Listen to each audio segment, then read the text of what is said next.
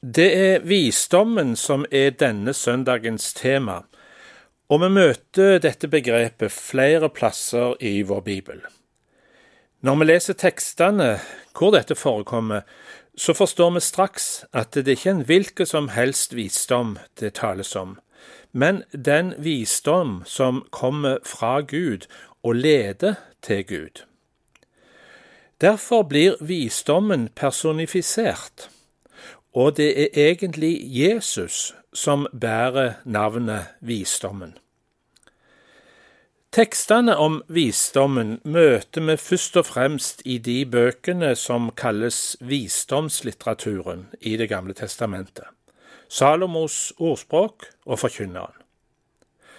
Vi har hørt lest det som er teksten fra Det gamle testamentet i dag, fra ordspråk og kapittel 9. Et annet kjent avsnitt er ordspråkene åtte, fra vers 22 og utover, hvor det blant annet står Jeg var det første som Herren frembrakte, Hans første verk i fordums tid. I opphavet ble jeg formet, i begynnelsen, før jorden ble til. Da var jeg bygningsmann hos ham. Jeg var til glede for ham dag etter dag og lekte stadig for hans ansikt. Jeg lekte på hele hans vide jord og hadde min fryd i menneskebarna. For den som finner meg, finner livet og får nåde hos Herren. Slik står det skrevet om visdommen. Ser du hvor klart Jesus står fram i dette? Dagens prekentema er òg henta ifra ordspråkene. I eh, kapittel 1 vers 20 står det Visdommen roper høyt på gaten, lar stemmen lyde på alle torg.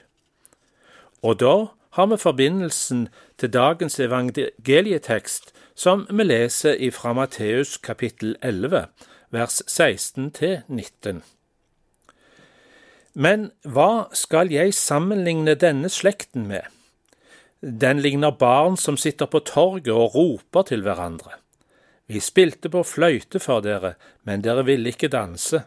Vi sang klagesanger, men dere ville ikke sørge. For Johannes kom, han verken spiste eller drakk, og folk sier, han har en ond ånd i seg. Menneskesønnen kom, han spiser og drikker, og de sier, se, for en storeter og vindrikker, venn med tollere og syndere. Men visdommen får rett det bekrefter gjerningene hennes. Jesus bruker noen kryptiske bilder i sin lille preken om visdommen, med tydelig henvisning til både seg sjøl og til døyperen Johannes sitt forhold til nettopp visdommen. At Jesus sjøl identifiserte seg med visdommen, er helt klart i det han sier som konklusjon på sin tale. Men visdommen har fått rett, det bekrefter gjerningene hennes. Dette med tydelig henvisning til sine egne gjerninger.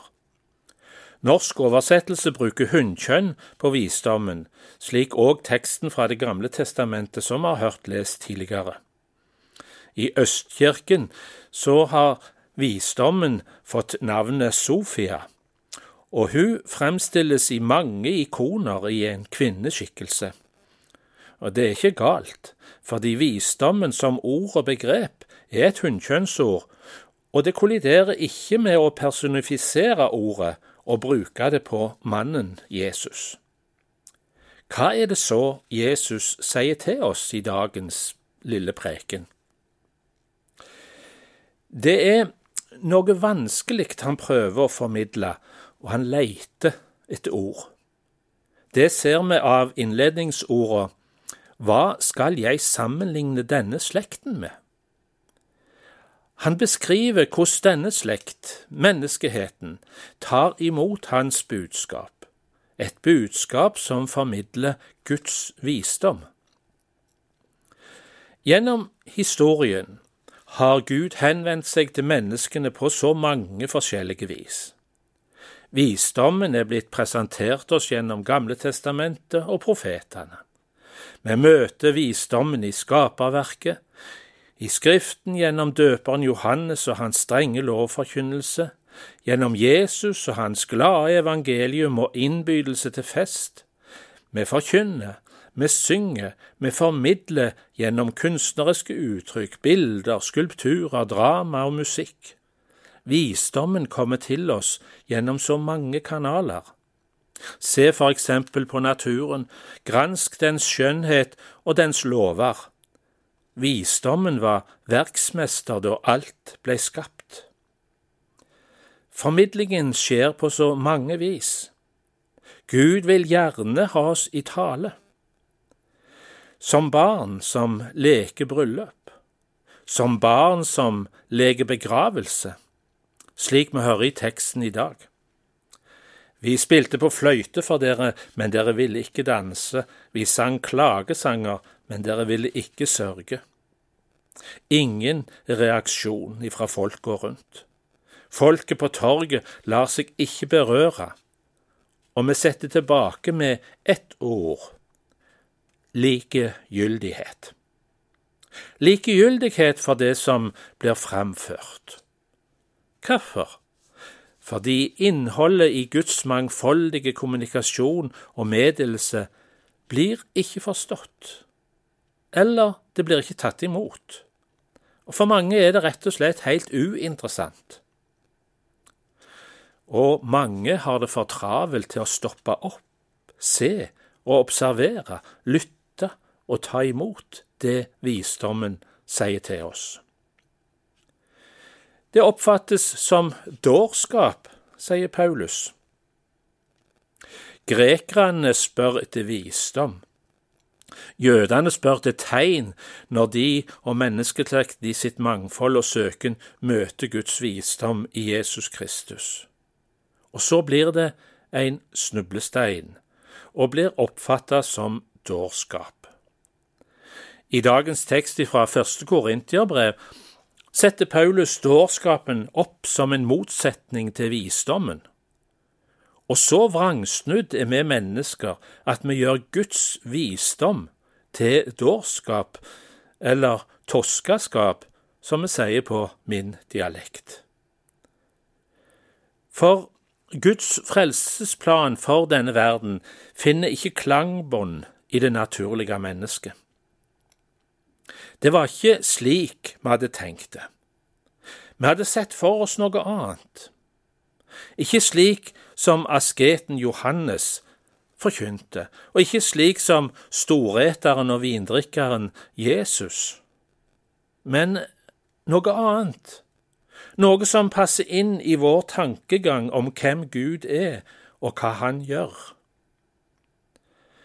Hva bilder skal jeg bruke, hva ord skal jeg bruke, så dere kan forstå? spør Jesus. Hele dagen rakte jeg mine hender ut til et trassig folk som gikk frem etter sine egne tanker, forkynner profeten Jesaja. Da barna lovpriste Gud når Jesus rei inn i Jerusalem, så ble de kritisert for det. Det passa seg ikke. Da sier Jesus, fra småbarns og spedbarns munn har han latt lovsang lyde. Med henvisning til Guds mangfoldige formidling av visdommen sier Jesus, dersom de tider skal steinene rope. Jo, Gud taler til oss. Han vil oss noe. Han gir oss av sin visdom, og spørsmålet er da tar vi imot, eller trekker vi bare på skuldrene og sier ja, hva så? Dette er òg et apropos inn i vår tid, som er så trendy, med å være distansert, være åpen for så mye som gjerne shopper på det religiøse marked. Ta litt herfra og derfra, det som eh, passer meg. De som står fram og våger å fronte en sak på en sterk og klar måte, blir ofte uglesett. En kan da ikke være så absolutt. Sannheten tåles ikke. Visdommen i bestemt form, som noe absolutt, blir ikke tatt imot, men blir forkasta. Og så halshogges døperen Johannes, og visdommen Jesus Kristus korsfestes. Både Johannes og Jesus var personer som mente noe og våga å bære det fram. De ville falt gjennom i dagens samfunn. Det er nemlig ikke en skam å ta imot noe. Det er ikke en skam å bli overbevist og stå for noe og kjempe for det. Det er heller ikke så dumt å ta imot Guds visdom. La seg berøre og engasjere av budskapet som kommer til oss gjennom Bibelens ord. Være overbevist om veien, og så kjempe for evangeliet, for sannheten, for visdommen.